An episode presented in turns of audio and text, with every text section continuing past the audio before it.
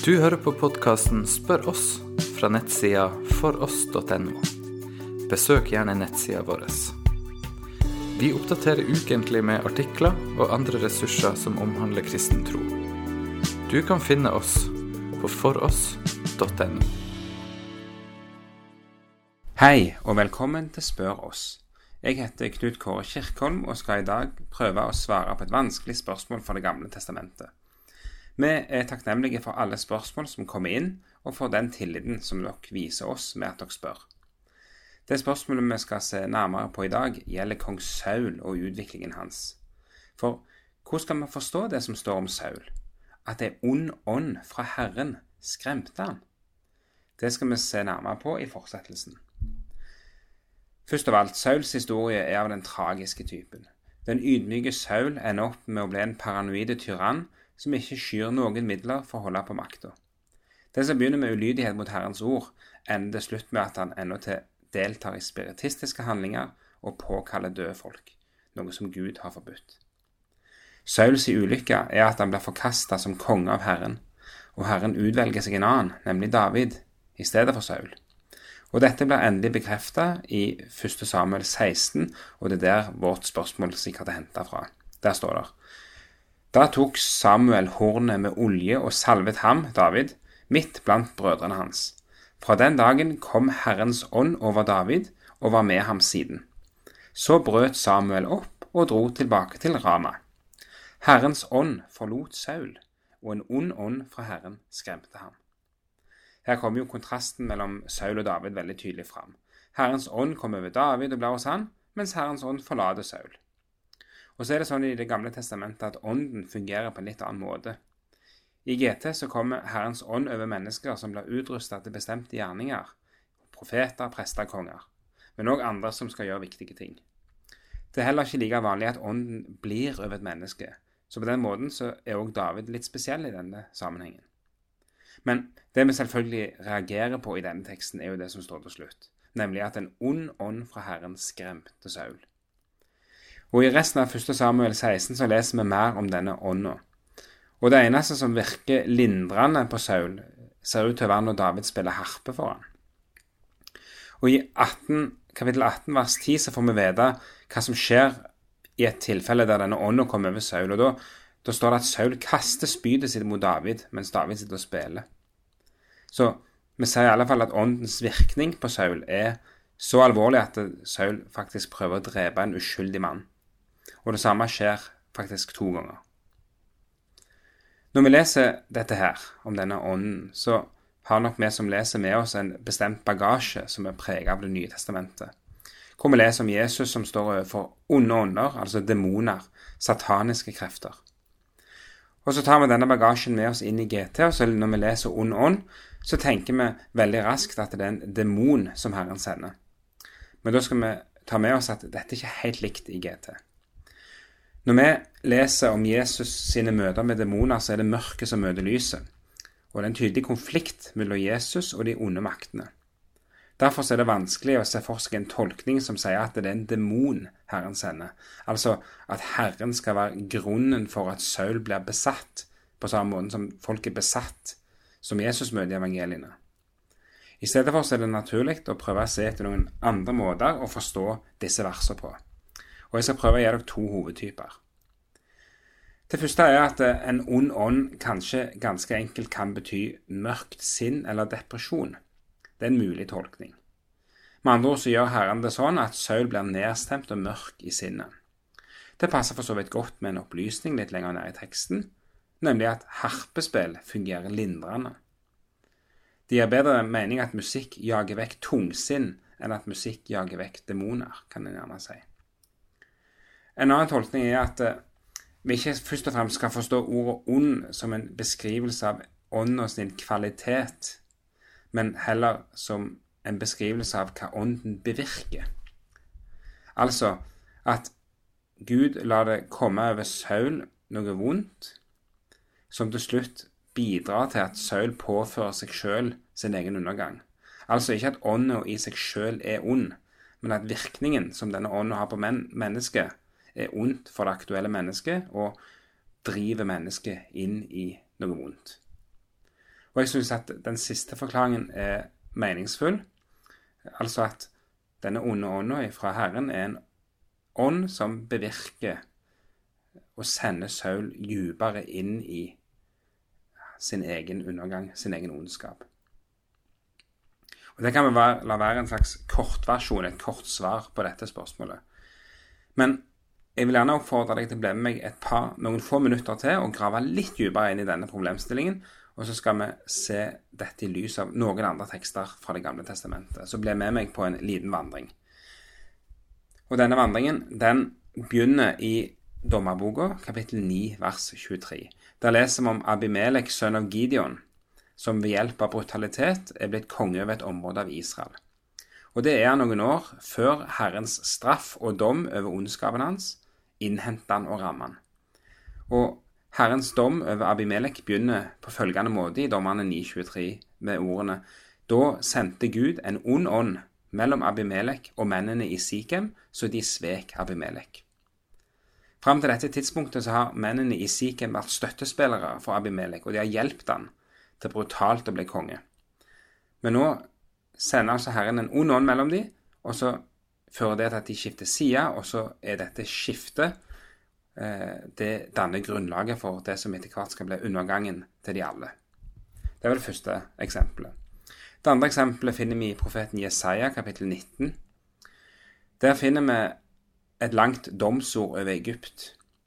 Og profeten Jesaja nevner tre elementer ved egypterne eh, sitt hovmod og Herren sin dom over, over dette her. Eh, det gjelder egypternes selvsikre tro på egne guder, på den tryggheten som de opplever at elven Nilen representerer, og troa på egen visdom. Alle disse tre skal Herren gjøre ende på, og Herren skal gjøre ende på deres selvsikre overtro og hovmod. Og i den forbindelse så sies det følgende i vers 14. Blant dem, egypterne, har Herren øst ut en ånd som gjør svimmel. De har fått egypterne til å fare vill hva de enn gjør, slik en drukken går seg vill i sitt eget spy. Altså en svimmelhetens ånd som gjør at egypterne ikke lenger lykkes med noe ting, når det kommer kaos og frykt over dem. Det var det andre eksempelet. En svimmelhetens ånd som fører til dom over Egypt. Det tredje eksempelet det er i første kongebok 22. Og I dette kapittelet så får vi en beskrivelse av undergangen til kong Ahab av Israel. I GT så regnes Ahab for å være den mest ugudelige av alle konger som noen gang regjerte over Guds folk. Og I forkant av Ahabs død så beskriver profeten Mika, sønn av Jimla, hvordan Herren i sitt himmelske råd har bestemt at tida for dommen over Ahab nå er kommet. Og i kapittel 22, i dette synet som profeten Mika presenterer for tilhørende, og Ahab inkludert, så sier han at Herren, han har sett Herren i sitt himmelske råd, og Herren har spurt sitt råd hvem er det blant dere som vil bidra til at Ahab nå lures og reiser ut i en krig som han kommer til å falle i? Og da forteller Mika at da gikk en ånd fram og stilte seg foran Herren og sa, Jeg skal lokke han. Hvordan? spurte Herren. Og så sa ånden, Jeg vil dra av sted og være en løgnens ånd i munnen på alle hans profeter. Og så svarer Herren, Ja, du skal lokke han, og det skal lykkes for deg. Gå av sted og gjør det. Det er i vers 21 og 22 i første kongebok 22. Her sies det ikke noe om hva slags ånd det er, men altså det er en ånd og en ånd som lover å legge løgn i munnen på profetene til Ahab, og lokke og overtale han til å dra ut i krigen. Og i den krigen skal Ahab møte sin undergang. Det siste eksempelet som jeg vil løfte fram, er fra Jesaja 29. Der tales ett av flere domsord over Jerusalem. Jerusalem har forlatt Herren, og derfor skal Jerusalem rammes av Herrens dom. Og dommen skal gå ut på at byen skal bli beleiret, og mange folkeslag skal komme og kjempe mot den. Og i og med at folket ikke har vært mottagelige for Herrens ord, så skal Herren nå forherde de og forblinde de. Og så står det i 29 vers 10 i Jesaja.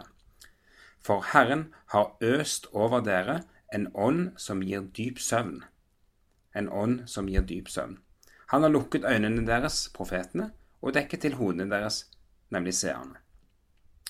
Så denne her søvnens ånd, den skal hindre folk i å se klart. Så her, her ser vi jo hvordan Herrens dom skjer i to etapper. Altså det, Herrens dom over Jerusalem den begynner med at Herren sender en ånd, en søvnens ånd, som fører til at folket blir forherda og, og, liksom ikke omvender seg mer. Og deretter så sender han eh, fiender og nød over dem. Og teksten om Saul og denne onde ånda fra Herren, den gjør vi klokt i å lese sammen med disse fire andre versene. Og da merker vi oss kanskje noen viktige fellestrekk. Det første fellestrekket mellom Sauls ånd og disse fire andre tekstene er at det er Herren som sender en ånd. Altså, Herren framstår som en handlende, eh, og det er heller ingen tvil om at når, når det står ånd, så er det et vesen, et åndsvesen. Det er, et, det er ikke bare humør, men det er liksom et vesen som Herren sender. En virkelig ånd som Herren sender, og en ånd som adlyder Herrens befaling. Det andre og, og mest åpenbare fellestrekket med disse tekstene er jo at det, det er snakk om Herrens dom i alle tekstene. Herrens dom over synd og ulydighet. Og Det er jo viktig å få med seg at det òg er poenget i fortellingen om Saul. Den ånda som Herren sender over Saul, fungerer som et ledd i gjennomføringen av Herrens dom over Saul. På samme måte som i de fire andre tekstene, at den, denne ånda som Herren sender over de ulike, det er altså da et ledd i Herrens dom over dem. I lys av disse tekstene her så syns jeg at tanken om at denne ånda kun handler om humør og sinnsstemning hos Saul, den syns jeg blir svekka. I stedet for så syns jeg det, denne forklaringen om at det handler om hva slags virkning ånda får i hans liv, blir mer naturlig. Altså at ordet ond ikke først og fremst handler om at ånda i seg sjøl er ond og demonisk, men at åndens virkning i Sauls liv er vond, ond, og bidrar til å føre Saul nærmere det stupet som han allerede springer i full fart imot. Og det kan egentlig minne oss litt om teksten om farao i andre Mosebok, hvor vi leser at farao gang på gang på gang forherder seg i møte med Guds tegn. Og til slutt så ender det med at Herren sjøl forherder farao. Så det som farao først gjør, det gjør til slutt Herren med han. Og Sånn er det litt med denne ånden som Gud sender ved Saul. Det er en ånd som plager han, og som driver Saul raskere imot undergangen. Det er ikke sånn at Saul er på rett vei, og så griper plutselig Herren inn og liksom snur Saul og vender, vennene fra rett vei til frafall. Nei, Saul har allerede sjøl forlatt Gud. Han har forkasta Gud allerede. Han har forkasta hans ord, hans befaling, og han har til og med ignorert mange advarsler. Så Derfor er på en måte tida kommet, virker det som, for at Herren nå overgir Saul til Sauls egen synd og sitt eget frafall. Og så er det denne ånda som Herren sender, som bidrar til å liksom sende Saul fortsatt i den retning. Så vi står på mange måter overfor et eksempel som ligner alle de andre jeg nevnte. At denne ånda som Gud sender over Saul, er, det er et resultat av at Gud nå sender sin straff over Saul og bruker denne ånden som et redskap til å gjennomføre denne straffen og dommen over Saul. Så kan vi tenke hva betyr det for oss som lever i dag? Betyr det at Gud sender en ond ånd over alle som sier nei til hans kall, og plager de, liksom? Eh, jeg tror ikke det er sånn. Og, og, og jeg tror heller vi skal tenke at det, denne fortellingen i seg sjøl fungerer som en advarsel nemlig en advarsel om at det kan komme en dag da det blir for seint. Det kan komme en dag der Gud slutter å kalle på et menneske som har vendt ryggen til ham. Litt sånn som det står i Romerbrevet 1 om at de som fortsetter og fortsetter å forlate Gud, de vil Gud på et tidspunkt bare overgi til deres egen ugudelighet, og la de bare få lov å strømme videre liksom i, i, i sitt frafall. Men enn så lenge så, er, så står kallet fra Herren ved lag, og, og Jesus han sier følgende i Åpenbaringen 3.: Se, jeg står for døren og banker. Om noen hører min røst og åpner døren, vil jeg gå inn til ham og holde måltid, jeg med han og han med meg. Og det kallet, det, det fikk Saul høre mange ganger. Men altså, Saul kom til et punkt der han hadde sagt nei og ignorert Gud og hans kall så mange ganger at Gud faktisk aktivt griper inn og bidrar til å, å øke hastigheten på mange måter på Sauls vei mot undergangen. Og det skjer ved denne ånden som Gud sender. Altså en, ikke en ånd som i seg sjøl er ond, men en ånd som bevirker og bidrar til dommen over Saul, som jo er ond for Saul. Du har nå hørt podkasten Spør oss. Still flere spørsmål, se andre ressurser, og vær gjerne med og støtte oss på foross.no.